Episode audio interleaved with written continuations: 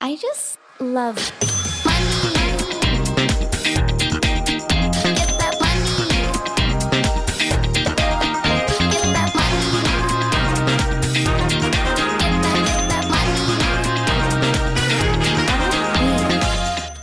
Hjertelig velkommen til en ny episode av Karrierekvinner. Og I dag så har jeg med meg en helt spesiell gjest. Hun er faktisk en av mine aller nærmeste venninner. Men jeg har bedt henne med meg hit i dag fordi hun har en veldig inspirerende historie som jeg vil at flere av dere skal få høre. I en alder av 25 år så startet hun sin egen bedrift og har i dag flere ansatte. Hun driver et selskap med god vekst og holder foredrag for andre som vil gjøre akkurat det samme som henne. Jeg vet at veien hit har vært eh, tøff, og jeg gleder meg til at dere skal få bli bedre kjent med henne. Hjertelig velkommen hit, min kjære venn Camilla Olsen. Tusen takk, min gode venn. Det er veldig fint å ha deg her. Jeg har mast på at du skal være med. Ja, Du har vært litt skeptisk, men nå er du med. nå er jeg absolutt med. Eller skeptisk har du ikke vært, men du har vært litt opptatt. Ja, li litt busy. Mm, Det er alltid. litt typisk. Men uh, sjukt stas å være her. Og ja, jeg liker alltid å være med deg, så det her er perfekt. I like måte. Det her blir Mm. kjempefint. Men jeg tenker at det er jo ikke så mange som vet hvem du eh, er. Så jeg vil gjerne at du forteller litt om deg selv. Hvem du er. Ja, hvem jeg er? Ja, jeg er jo da en jente som er 31 år. Um, bor i Skien. Og ja, er jo livsnyter på en måte. Elsker kombinasjonen med venner, jobb, vin, kaos og ja, oppleve nye ting. Så ja, jeg vil si det er litt, litt om meg. Jeg synes Det var en deilig oppsummering. Ja. Jeg kjenner deg igjen i det du beskriver. Bra.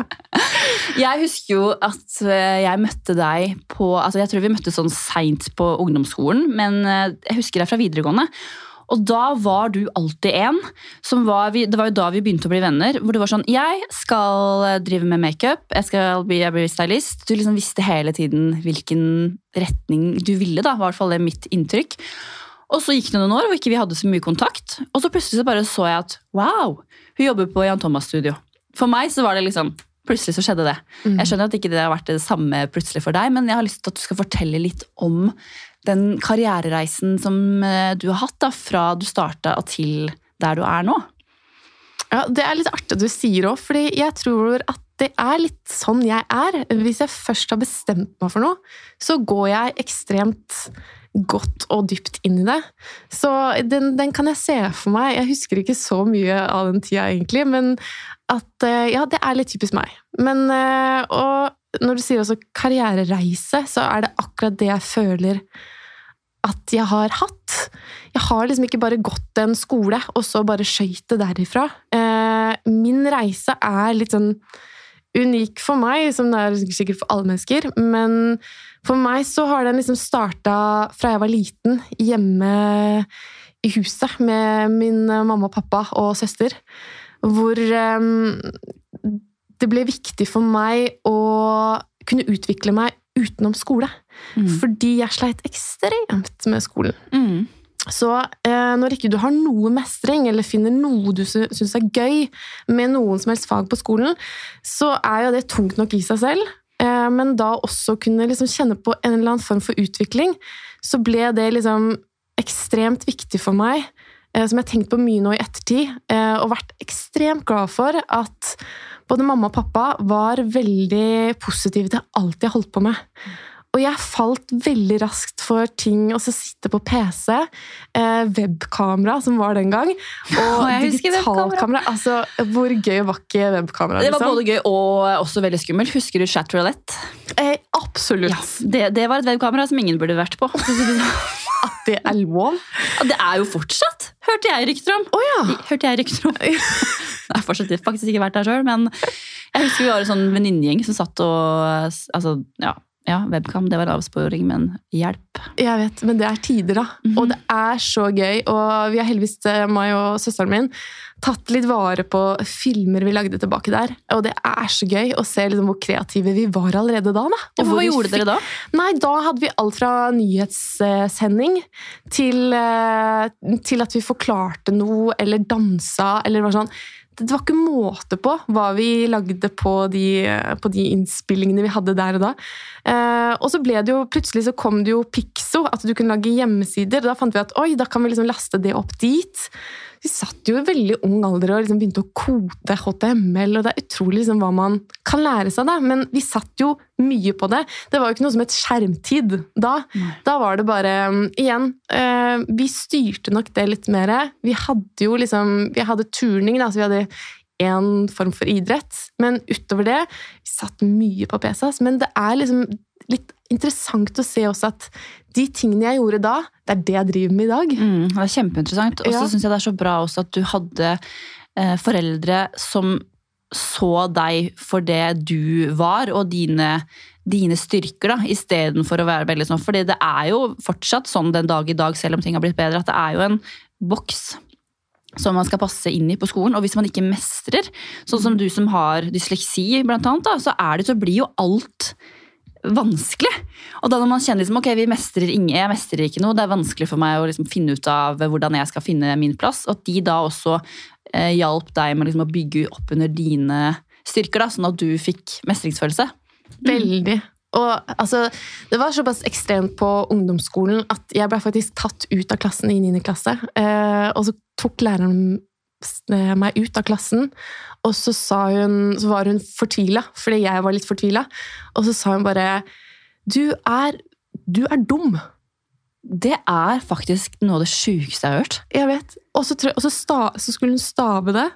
Eh, det og så, Til og med nå så kan jeg tenke sånn Er det O eller U? ikke sant? For jeg Ja, kan, men det er U, ikke sant? D-U-M, sa hun liksom høyt. Og så var det typ å gå inn i klasserommet igjen. Eh, så det var, eh, det var ganske ekstremt. Altså, Ingen kan se fjeset mitt nå, men jeg sitter her faktisk med Altså, jeg måper. Ja, Det er jo det villeste. ja det, var, det var ganske vilt. Og vi var liksom prøveprosjektet òg, hvor de satte sammen Halve klassen var liksom de flinkeste. I, eh, flinkeste, Og så satt de med de som på en måte de så på som mest utfordrende. Så skulle da det på en måte bli De flinke skulle påvirke de som sleit, da. Eh, Men det gjorde jo også at det ble mye utfordringer i klassen. Og jeg tror også allerede der også så starta jeg litt den tanken på eh, der hvor jeg havna i dag. Eh, For ofte da så ble det veldig forskjellsbehandling. Og det er vel noe som på en måte driver meg veldig. Det er akkurat det. Urettferdighet og de tingene der. Det får liksom meg til å fyre skikkelig. Eh, og da var det ofte at det skjedde i klassen, og da var det ofte at en del snudde seg mot meg og bare Tar du den her nå? Ja, Kan du snakke for oss nå? ja.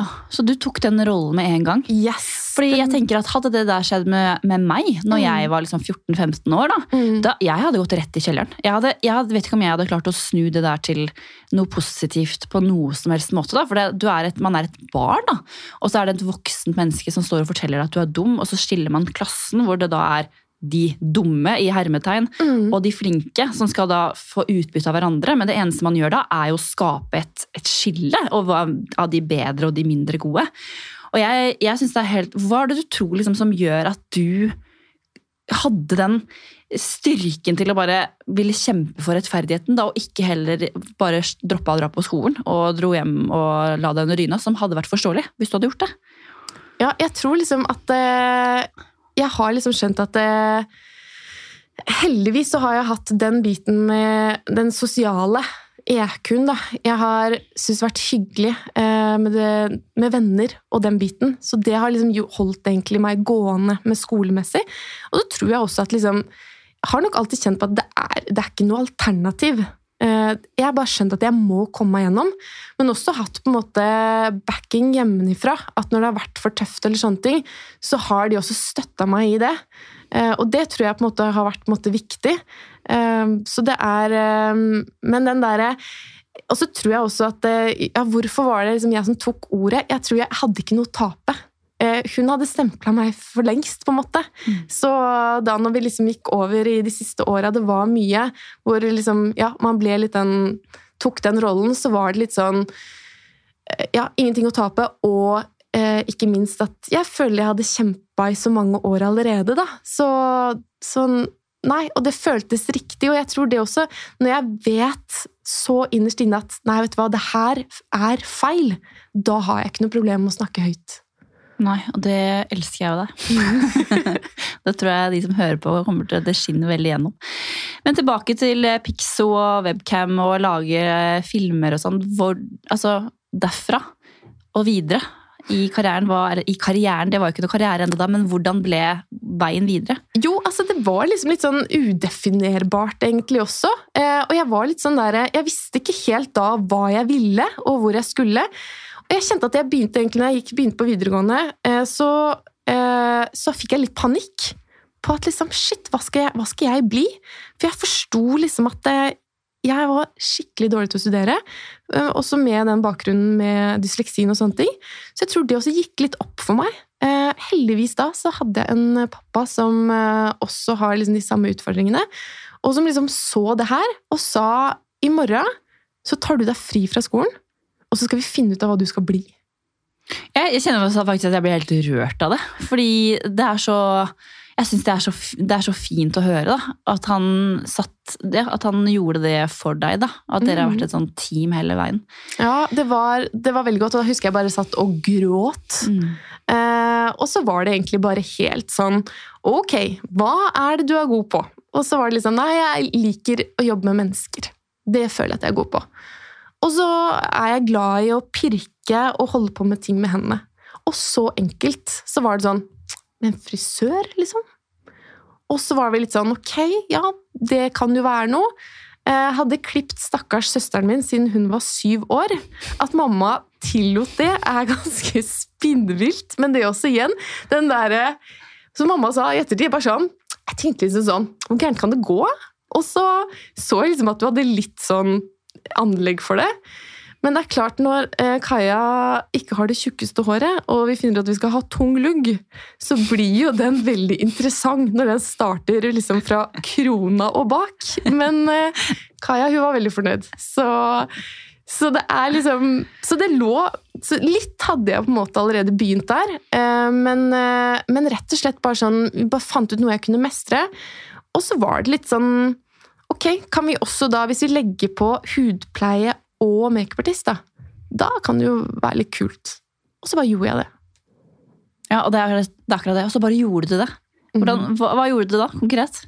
Nei, da fant jeg ut liksom, Sjekka opp i skoler og sånne ting. Mm. Eh, og fant ut eh, hvordan jeg kunne legge opp løpet. Eh, og så begynte jeg på eh, hudpleie. Og så tok jeg makeup og så frisør. For jeg visste at frisør, der var det lærlingtid. Og da tenkte jeg det var greit å være ferdig med de andre føre. Eh, og da tenkte jeg også at liksom, skal jeg drive med det her, da skal jeg bli best.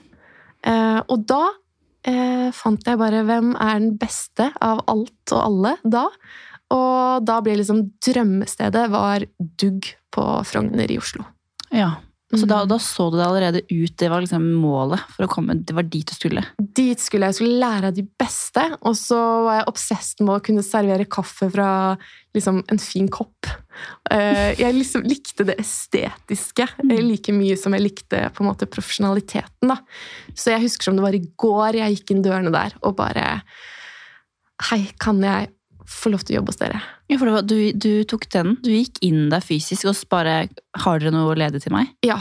ja. Jeg tenkte at liksom Jeg må Jeg tar ikke sjanser med at de får et brev, og så liksom Nei. Jeg tenkte at igjen, jeg har den Litt den styrken min er liksom mennesker, og jeg tenkte at nå må jeg i hvert fall bare vise at jeg virkelig vil jobbe her. Eh, og gjøre hva som helst for det. Og hvis jeg da har litt det engasjementet og viser den eh, rett til dem, så er sjansen min større. Fordi det her vil jeg så. Og det, de hadde en plass til deg? De hadde en plass til meg. Så da, da starta jeg der. Eh, og hadde en fantastisk eh, lærerik reise der i, eh, i noen år. Mm. Mm. Og så, Da jobba du der, og jeg husker at da du jobba jo dag og natt jobba ja, Og man tjener jo ikke de store pengene, kanskje, i, den, uh, i starten der. Nei, det er helt riktig. Og vi var en stor salong, uh, så det var, eh, det, var, det var, masse jobb. Uh, men som sagt, lærte utrolig mye. Så det var liksom en perfekt start, uh, syns jeg. Og det gjorde jo liksom det var jo den starten som gjorde at jeg havna liksom til neste steg igjen. Mm. Hva var neste steg, da? Du, da var det såpass stas at eh, det var en middag, så ringte Jan Thomas. Og lurte på om vi kunne ta en prat. For han ville veldig gjerne at jeg skulle begynne å jobbe på Jan Thomas studio. Hmm. Hvor gammel var du da? Ja, hvor gammel var jeg da? Eh, kan jeg ha vært eh, 20-21, noe sånt? Det er Ja. ganske rått, da. For det er jo en av de altså, mest profilerte vi har i Norge, som er et ekstremt godt rykte da, innenfor liksom, skjønnhet og mote. Og at han ringer deg og eh, spør om du vil jobbe for han. Ja, det var, det var superstas. Mm. Virkelig. Og det var starten på et virkelig eventyr. Eh, slash sirkus. Ja. Jeg vil gjerne at du forteller litt mer om det sirkuset. Jeg vet, jeg vet jo mye, men eh, det er veldig gøy å høre om, for det, det var jo et sirkus. Ja, virkelig. Eh, og der lærte jeg jo også mye at har du gode eller ville ideer, så er det meste mulig. Eh, å se da hva eh, Jan Thomas fikk til, og Kristoffer, var eh, kjempeinspirerende og veldig, veldig gøy å få være med på så mye forskjellig. Så det er klart at det, det var um, Jeg reiste mye med Jan Thomas. Vi lanserte jo Jan Thomas Studio Haircare. Jeg var med i hele den prosessen. Så har jeg fått være med og ha masse testere og prøve ut og lukte og liksom finne ut igjen. Skreddersy og eh, finne der igjen ha det beste av det beste og lage det beste av det beste. Eh, Så klart det um, var utrolig moro, i tillegg til å ha Jeg hadde veldig mange kjendiser eh, som kunder. Eh, og så gøy å høre liksom deres historie, for de har jo fått det mye. Hvordan har de kommet der? Til at liksom folk tok buss fra Alta Mm. eh, fordi de enten ville bare Nei, nå skal jeg unne meg en skikkelig fin dag på Jan Thomas Studio. Eh, eller at det var eh, en i Trondheim som hadde prøvd alle frisører og syntes at ingen fikk til noe. Men ok, er det ett sted vi skal gå, så er det Jan Thomas Studio. Så jeg fikk liksom kjempeharde, tøffe caser Mm. eh, til liksom til kjendiser, til glam, til liksom alt. da. Så det var så utrolig variert. Mm. Eh, så dagene var, eh, var kjempegøye, innholdsrike eh, og veldig morsomme. Eh, så å jobbe der med så dyktige, engasjerte mennesker og der også, min, eh, en av mine beste venninner, Cecilie, eh, var, en, var en kjempe var kjempefint. Mm. Jeg synes det er veldig kult også hvordan du hele veien bare har hatt liksom du, du, selv om du kanskje ikke har vært så bevisst på det selv, så, så ser man jo hele tiden, eller man hører at du hele tiden har sett deg mål. Du har, du har sett ok, dette her er det er sånn det er. Jeg mestrer ikke skolen så bra, men jeg vet hvor jeg vil, og ser liksom mine styrker, hvordan du kunne bruke de for å komme deg videre. Og det jeg syns også er så inspirerende, og som jeg håper at folk liksom henter ut fra den, den fortellingen du forteller nå, at altså, en eh, småbyjente fra Skien kan klare altså, akkurat det man bestemmer seg for, da. Og du, du hadde kanskje ikke alle de beste forutsetningene, hvis det er lov å si heller, for Nei. nødvendigvis å lykkes. da.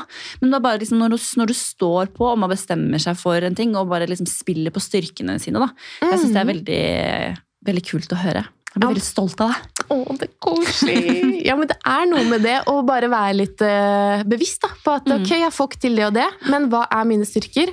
Og der har jeg egentlig en sånn hånd som jeg alltid har med meg. Ok, Ja, Få høre om hånda.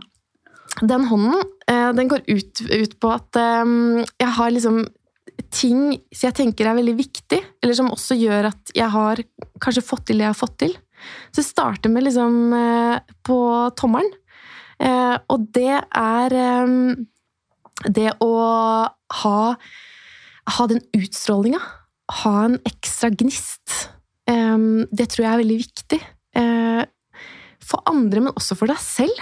At du, da blir ting liksom litt mer lystbetungt, og du får et litt sånn ekstra gir. Så utstråling. Og så har jeg nummer to, som er pekefingeren. Det er å være sterk. Og det er jeg. Tenker sånn, ja, jeg kan liksom være tøff og være sterk. Men kanskje enda viktigere, den fingeren som er enda litt lenger, og kanskje hakket viktigere, det er å være ydmyk. Mm. Og så har vi neste, og det er å være engasjert. Og så har du da siste, som er det å se mennesker, men også kunne speile mennesker. Mm. Og jeg tror det kan du gi andre en god følelse, men også klare å sette deg inn i andres situasjoner og klare å speile andre mennesker, så har du ganske mange gode kvaliteter og styrker som eh, du kan bruke. Så den handa har jeg liksom alltid med meg. At liksom, ok, er vi på på alle de punktene her? Mm. Eh, og det er liksom litt sånn, litt sånn kompass jeg har, da. Mm. Mm. Det er en kjempefin greie tenker jeg, å ta med seg også for de som hører på. Men sånn, apropos det kompasset eller den hånda, da, for det kom jo til et punkt for deg også hvor du eh, tenkte at du ville gjøre noe annet da, enn å jobbe for og hos Jan Thomas. Hva var det som skjedde? Jeg vet at det skjedde mye i livet ditt i den perioden der. Ja, det gjorde det. Det, det skjedde veldig mye. Uh, og jeg hadde vel alltid tenkt at uh, man skulle til Skien en gang. Um, og ja, det gikk litt raskere enn hva man kanskje hadde sett for seg. Men da var det igjen bare ok, da, uh, da flytter vi hjem. Og da tenkte jeg også at nå, det er nå eller aldri jeg skal starte. Og jeg tror det har ligget liksom i underbevisstheten hele tiden. At jeg har en veldig sånn eh, At jeg hører ting, og så tenker jeg ofte sånn ah, jeg ville sagt det sånn og sånn, eller gjort det sånn og sånn.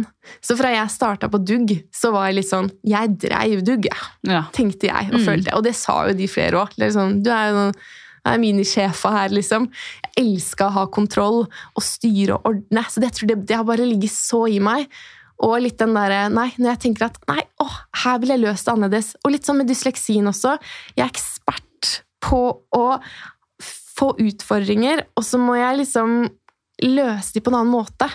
Så jeg tror liksom den biten tenkte jeg også, det er veldig positivt å ha med seg. Og så har jeg en sinnssyk arbeidsmoral, så jeg vet at jeg kan stå på. Og så tenkte jeg bare sånn Nei, det er nå jeg bare må, må jeg bare gønne på og tørre. Mm. Og hva er det verste som kan skje? Mm. Det er at det går eh, Ja, Til helvete, kan vi si her. Til helvete! og så er det bare å Og så er det bare å søke i en vanlig sang. Mm. Mm. Og det er helt riktig, og så vil jeg også, for jeg vet jo at den tida der for deg og var jo på en måte ikke bare en sånn Det var ikke sånn at ok, vi drar fra Oslo og rett hjem, smeller i gang noe nytt i Skien. Det var jo en, en bumpy ride for deg også, og jeg tror det kan være godt for folk å, å høre om. da, for jeg husker jo Da flytta du jo hjem til Skien, jeg var jo i ekstase for det. Men så husker jeg også at det var jo en god periode der hvor du bare hva skal jeg gjøre nå? Du hadde liksom en plan for det, men du var litt sånn åh, hvordan kommer man i gang? liksom? Så du må fortelle litt om det, da. Ja, absolutt. Eh, jeg tenkte liksom at eh, At ok, nå setter vi i gang. Eh, men så er det jo sånn at jeg hadde sagt opp på Jan Thomas Studio. For det må man jo når man flytter. Men ved at du da hadde gjort det, så eh, tar alt mye lengre tid. Så, og generelt også så er det ikke bare å starte opp eh, i det hele tatt. Så det ble jo en lang prosess på Nav. Så det var jo Nav liksom, som man starta først ved. Mm. Og prøve å liksom eh, ja, komme seg gjennom den jungelen. Og det er klart at det er, det er beintøft. Og når du er Du er jo i en liksom sårbar posisjon. Jeg syns det var kjempetøft å flytte til Skien. Eh, jeg tror jeg gråt hver dag i et halvt år. Mm. Eh, alt med at det var uvant, og du, hadde, du følte ikke på noe som helst for mestring, for du hadde ikke noe jobb å gå til, og alt var nytt, og ikke hadde man økonomi. Altså, alt var sjukt vanskelig. Det er jo det, for Selv om det var liksom et valg du tok for å gjøre det, så er, at, så er det jo liksom ikke dermed sagt at alt føles riktig. Man kan jo føle seg helt sånn lost i det for det. Altså så lost. Og Mm. jeg trodde aldri jeg skulle liksom faktisk føle meg så lost av å gå uten jobb så lenge. Og hvor mye det påvirker deg, og liksom hvor mye du begynner å tenke negative tanker da, er, er ganske ekstremt. Altså, så jeg ser tilbake på den, det første året der som, som noe av det tyngste jeg har gjort. Og ekstremt respekt for mennesker som havner i den situasjonen der etter å ha vært der selv. Jeg er helt enig, og det kan jo, vi vet jo at den situasjonen der er- kan jo skje med alle. Uansett eh, hvilken livsfase du er, eller hvem, hva slags person du er. Da. Og jeg tenker at Det også er viktig å snakke litt sånn åpent om. Og så er det kjempebra at vi har det systemet som gjør at man, eh, at man altså, ikke slipper å gå helt eh, tom for penger, holdt på å si. Men Samtidig så er det jo en sånn, kan jo være en veldig sånn stolthetsknekk også å måtte ta den reisen og gå til Nav. da, og bare sånn, ok, jeg eh, trenger støtte i den perioden her, fordi jeg vet ikke helt hva jeg skal, eller jeg har ikke noe jobb, eller hele den biten der. Men da også liksom, det er viktig å, tenker at det er viktig at vi også snakker om at du også har vært innom det. Mm. Eh, bare for å være sånn, altså, Det er bare en helt sånn menneskelig greie. Jeg har vært der. Veldig veldig mange har vært der. At man må i en periode da, ha den hjelpa. Men det er som du sier det med at den jeg kjenner meg veldig igjen i det at den perioden jeg også eh, var sykemeldt og liksom trengte hjelp fra Nav, blant annet, eller Nav det er jo egentlig uvesentlig sånn sett, men det at man liksom blir gående i en sånn litt sånn tung spiral, da. Mm. Eh, hvor man bare blir sånn Ok, alt blir slitsomt, og skal du ett gjøremål i løpet av dagen, så føles det liksom som det Du blir sliten bare av å tenke på det, ikke sant? Og ikke minst at du må jo nesten være Altså, du må ha så sykt stå-på-vilje for å stå i det systemet. Ja. I det Nav-systemet. Takk og lov for at vi har det systemet i Norge, virkelig, men det òg Mm. krever jo masse energi. Enormt! Ja. Jeg tenkte bare takk og lov for at jeg er frisk. Ja. Tenk på de som Ja, Ja, de som er alvorlig syke, liksom virkelig For det er søren meg en prosess, det der òg. ja det, er helt, det er helt ekstremt. Men da, da, hadde jo du en, da fikk du jo hjelp fra Nav en periode, og da hadde du liksom litt tid til å finne ut av ok, hvordan skal jeg gå videre. For det du ville, det som er viktig at vi sier, er jo veldig selvfølge for oss også, du ville jo starte en egen salong. Mm. Det var jo det du skulle gjøre i Skien. Ja, da tenkte jeg bare, Nå må jeg ta med meg alt det jeg har lært eh, fra Dugg og en Thomas Studio. Ta med det til Skien og skape det der. Og ikke minst også alle de tankene fra jeg var liksom på skolen og ja, hadde en, en sånn stemme og kjente litt den lederbiten. Så så jeg liksom alltid sett for meg at det har jeg også hatt lyst til å veldig teste og prøve meg ut som. Så da var det liksom Nei, jeg ville starte eget. Og så da var det liksom å begynne å banke på dører og prøve å finne lokale. eh, Og den biten der. Til at liksom igjen hadde jo veldig små Altså lite med midler. Eh, Men hadde da også en kjæreste på den tiden som eh, eh, bygde hele salongen. Mm. Så jeg hadde egentlig litt ideer. Og så laga han og hjalp meg med å sette opp hele Kao. Så med utrolig små midler, og både da ja, folk som virkelig støtta opp, både venner og familie og alle, så, så klarte vi liksom å få opp en liten salong. Det var veldig tungt. Og liksom bare det, det, liksom det viktigste av det viktigste. Og så var det bare å sette i gang. Jeg husker så sykt godt den tiden, og jeg skal være helt ærlig at jeg husker at det var sånn Da var vi jo 25, Mm. hvor jeg tenkte Altså for I Skien og Porsgrunn, for dere som ikke er derfra, er det én ting det er mye av, så er det frisørsalonger, kjøreskoler. Ja. De, de to tingene er det bare helt sånn drøyt mye av. Så jeg husker jeg tenkte ja ja. Eh, Enda en til! enda en frisørsalong! Men det ble ikke bare enda en frisørsalong. Det, altså, det har jo gått veldig, veldig bra. Altså, da på den tida du var 25 år, Mhm. og nå i dag så driver du Hvor mange ansatte har du? Å, du, vi er eh, seks-syv stykker. Seks-syv stykker. Det har vært en sunn vekst hele veien. Du har overlevd covid, eller pandemien. Ja, det er drøyt. Og Hvordan er det liksom å sitte og kjenne på at altså, nå driver du din egen salong, du har ansatte som du har ansvar for, og altså, det har på en måte vært en sånn bevisst vei, da. Ja. Det er klart at det føles eh, mestring. Og kanskje det mest av alt, at eh, for første gang ordentlig i livet så kjenner man på ordentlig mestring.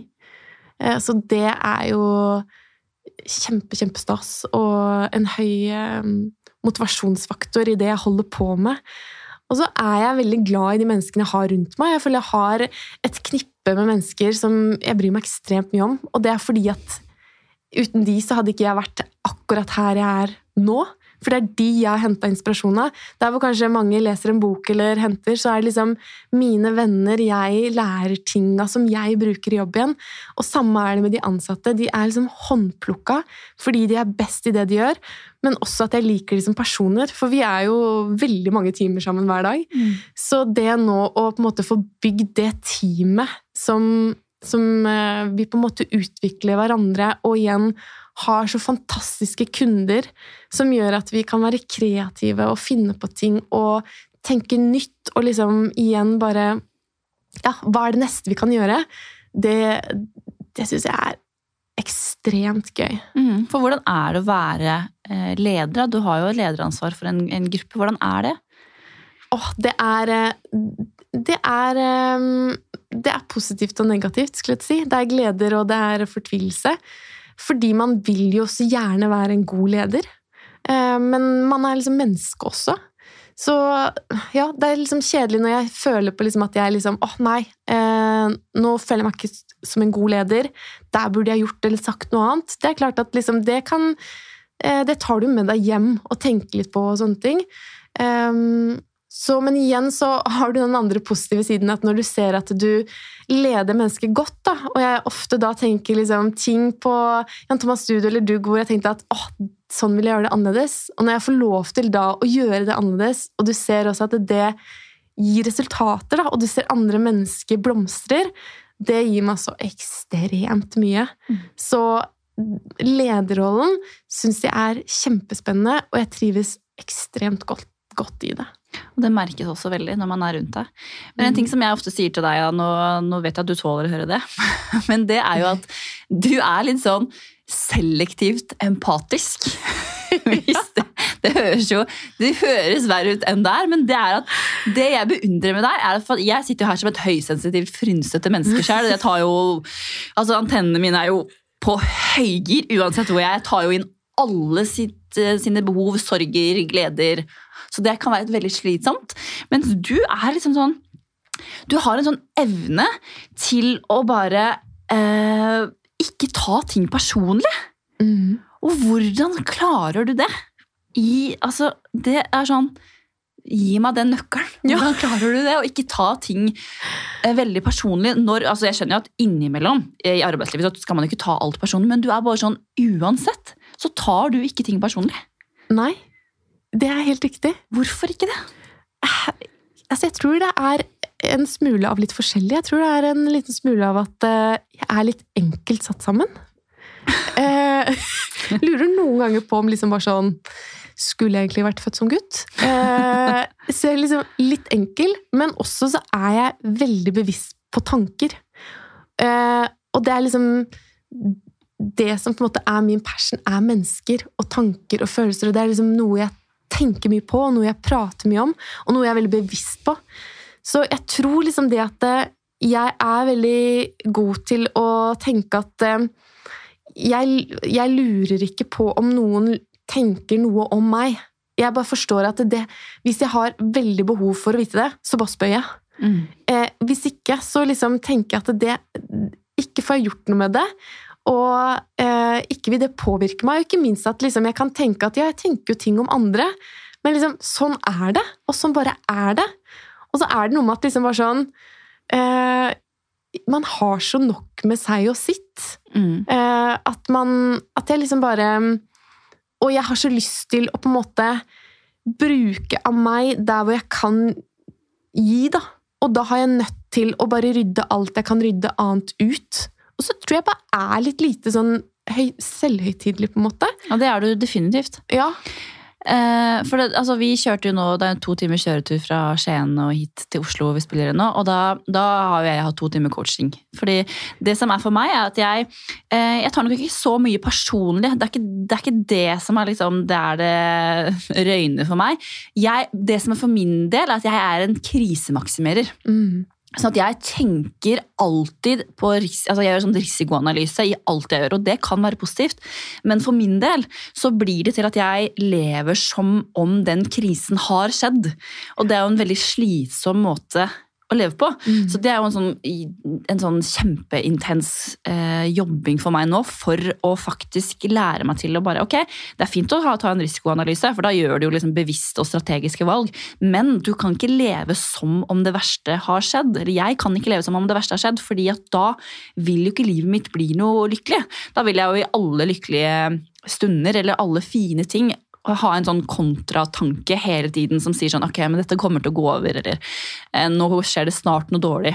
Mm. Og det er jo ikke en måte jeg ønsker å, å leve på. Jeg syns egentlig det er litt fælt å si det høyt også, at det er sånn jeg eh, lever. Men det er en sånn veldig sånn ting som bare går i hodet mitt hele tiden.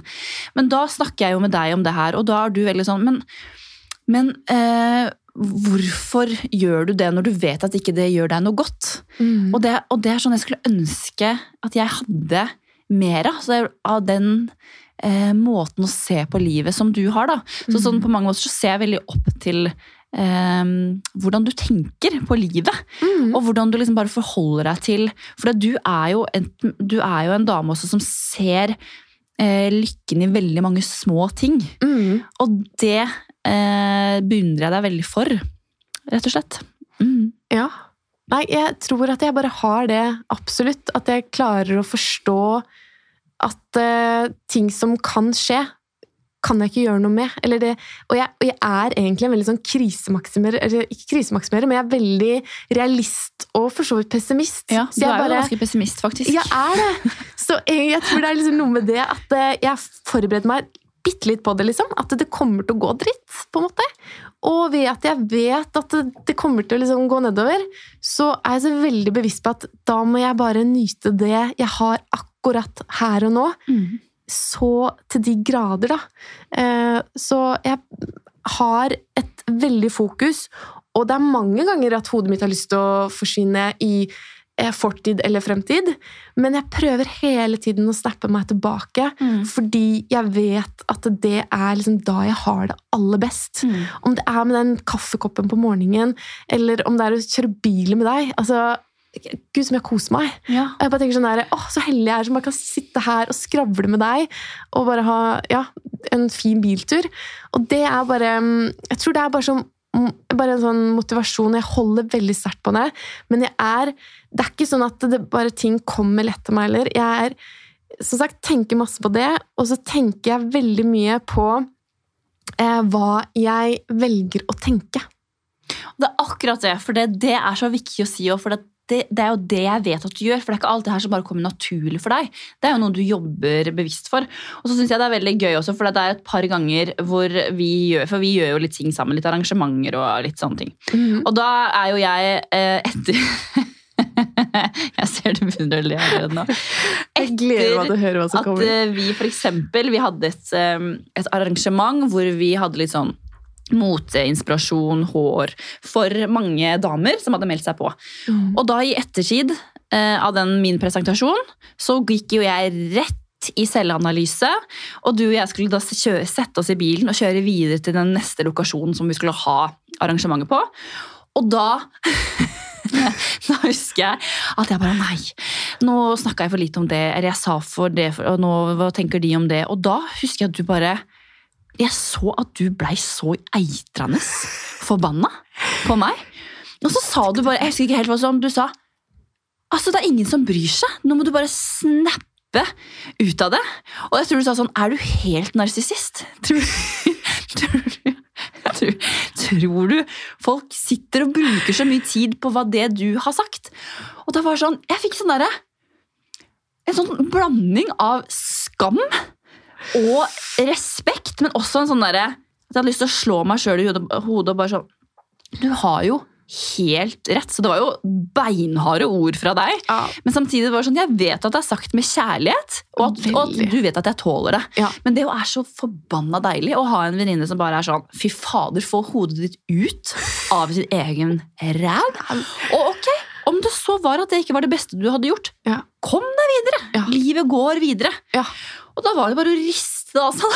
da, Om du gjorde det, du turte ikke noe annet, Jeg stakkars. turte ikke noe annet, jeg, Nei, for jeg hadde nei, fått huden full av Altså, Det var tydelig tale. Jeg husker det så godt. ja. Og det er ikke det at jeg liksom ikke orker den eh, gnålinga om at eh, liksom For det, det gikk jo du, du, stoppa ikke. Nei.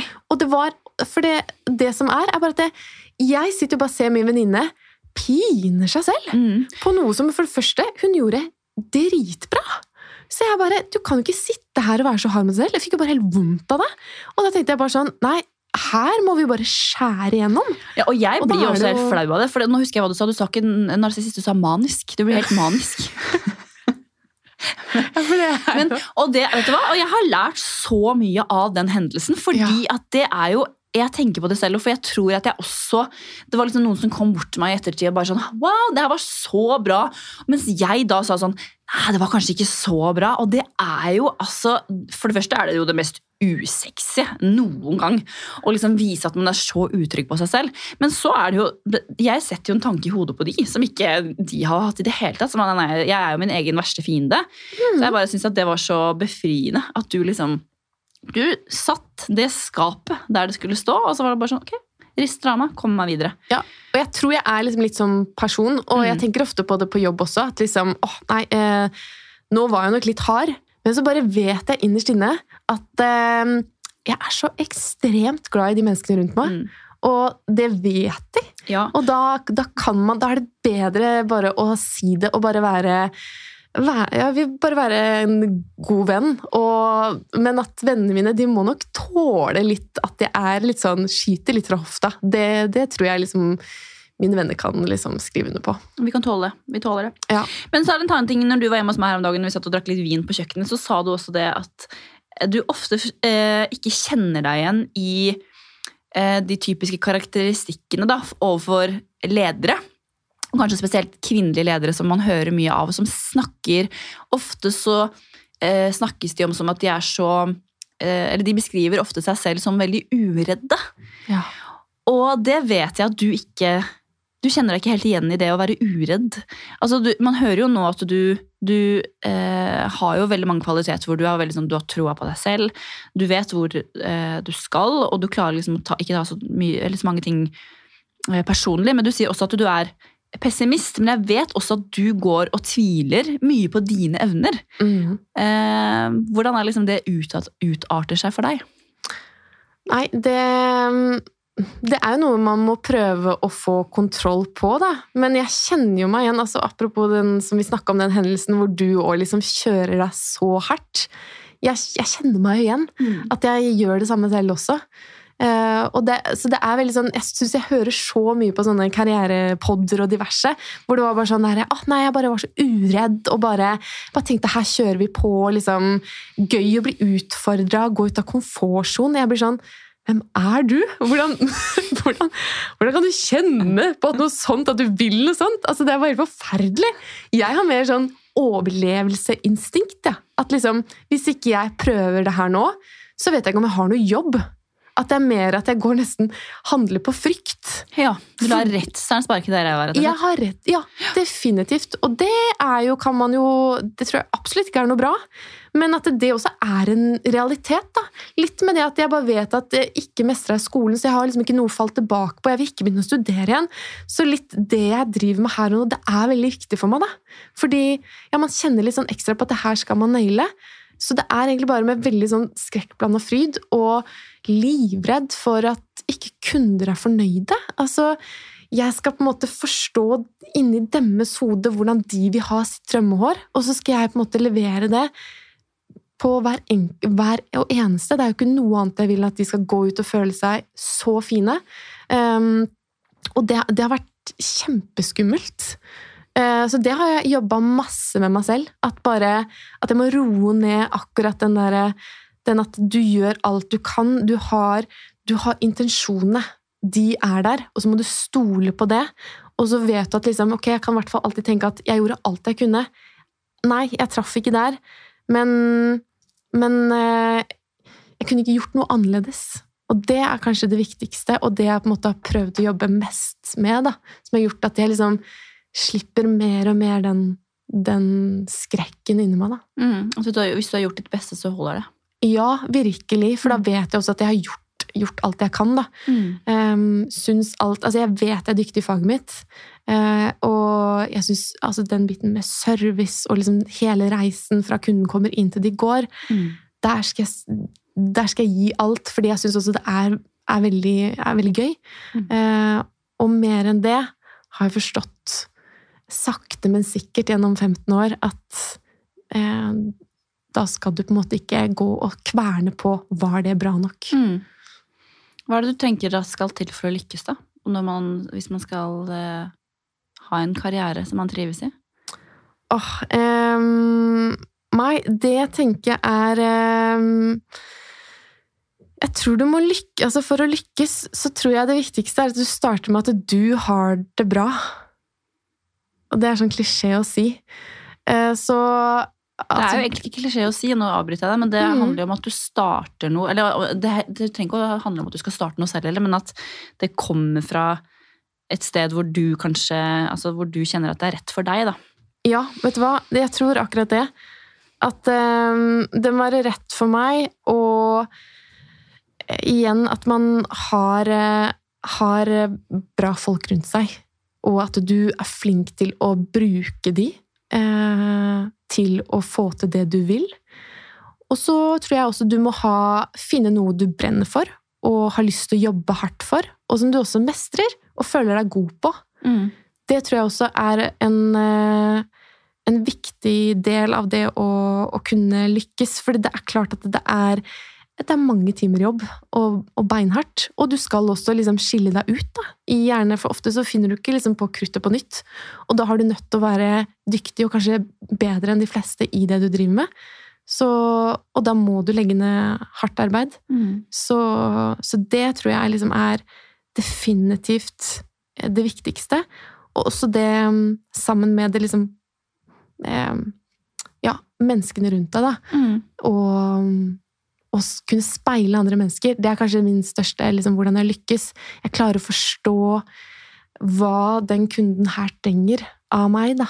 Um, og da gjør det at de gjerne kommer igjen, fordi de føler at jeg klarer å se dem og forstå hva de ønsker, da. Mm.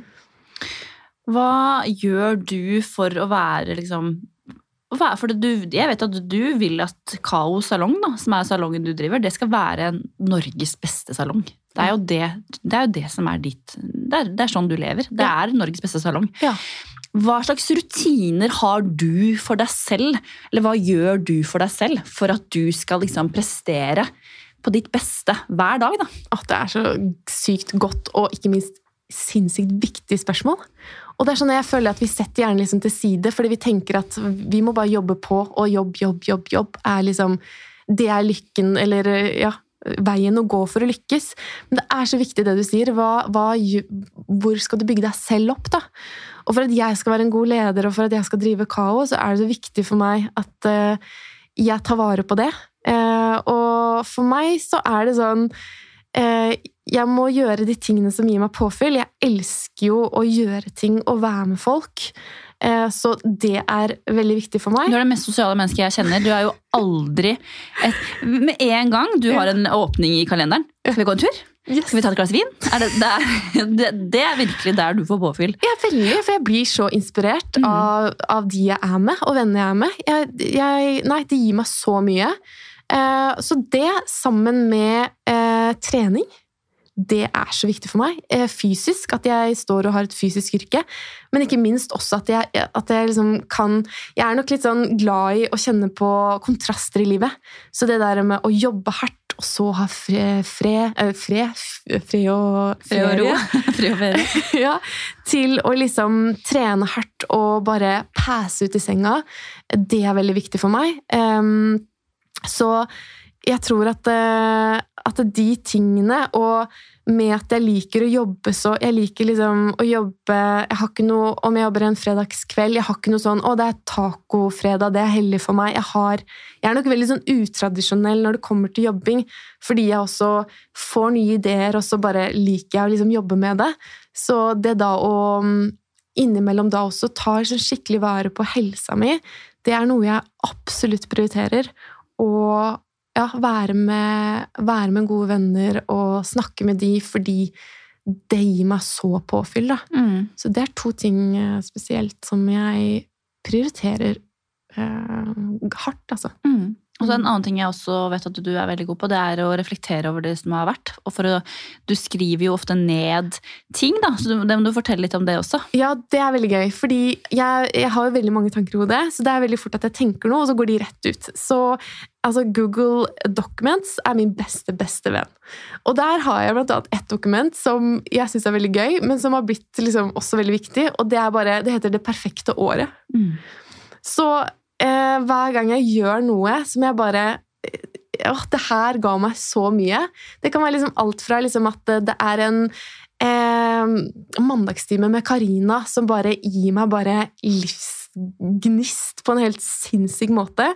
Eh, så er det bare Skriver jeg det ned? At dra på det. For så fort at du glemmer igjen. Eller at liksom åh, nei, Mai og hadde en høsttur til Oslo hvor vi bare eh, dro på bare en egentlig enkel kafé, og det var litt sånn tilfeldig. men La oss bare- være ærlige, hvor vi drakk vin fra klokka 11 til Nei da. Jo, helt riktig. Og det var ikke noe glass, det var gjerne flasker. Så altså, da skriver jeg det ned. Alt som det gjør i løpet av hele året, som jeg, liksom, som jeg liker.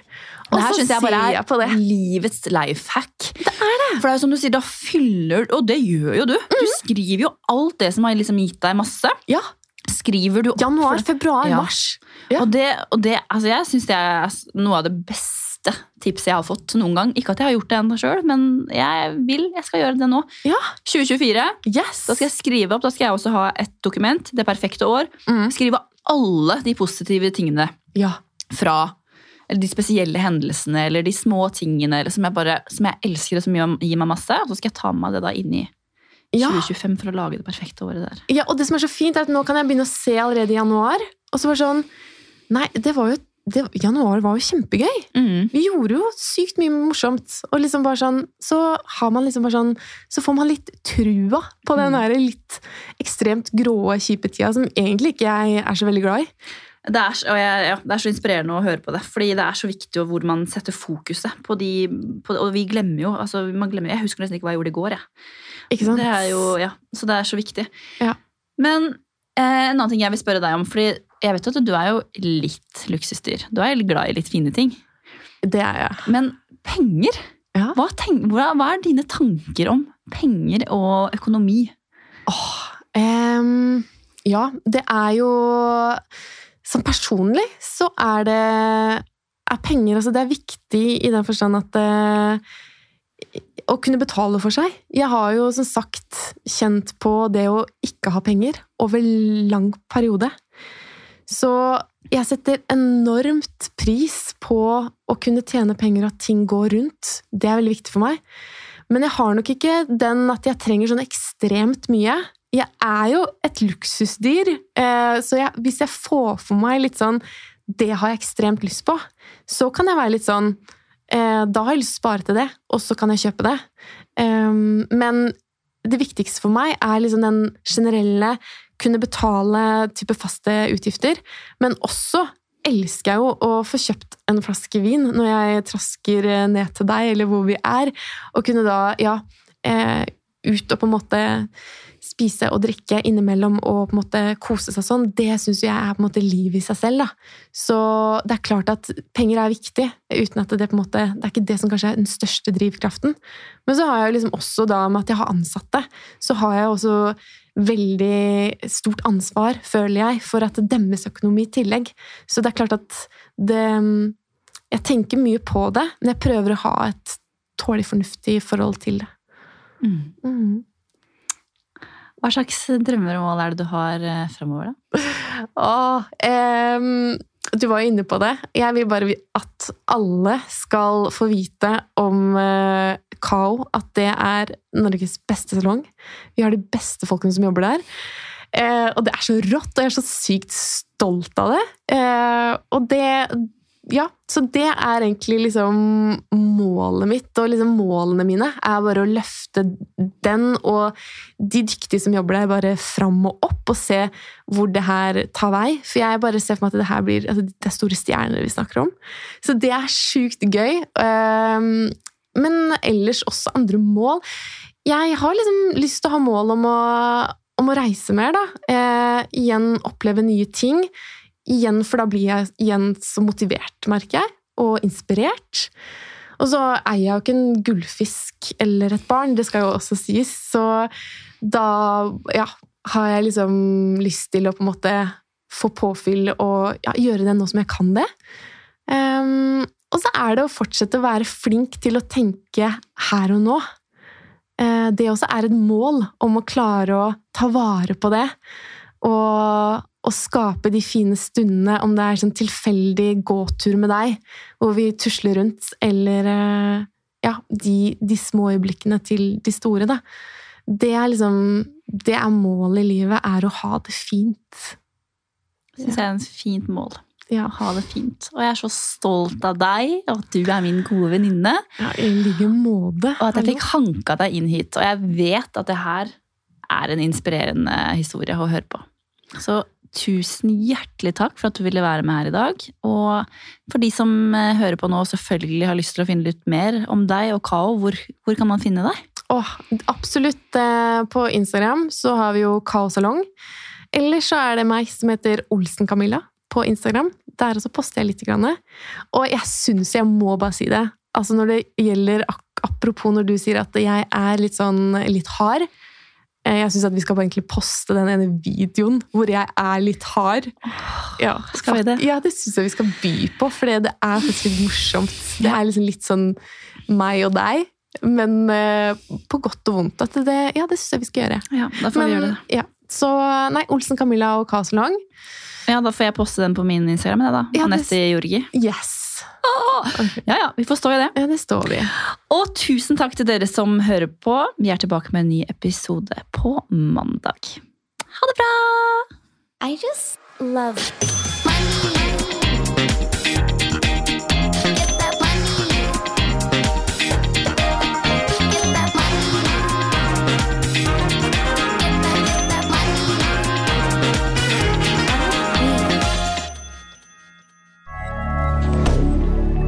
Moderne media. Har du et enkeltpersonforetak eller en liten bedrift? Da er du sikkert lei av å høre meg snakke om hvor enkelt det er med kvitteringer og bilag i fiken, så vi eh, gir oss her, vi. Fordi vi liker enkelt. Fiken superenkelt regnskap.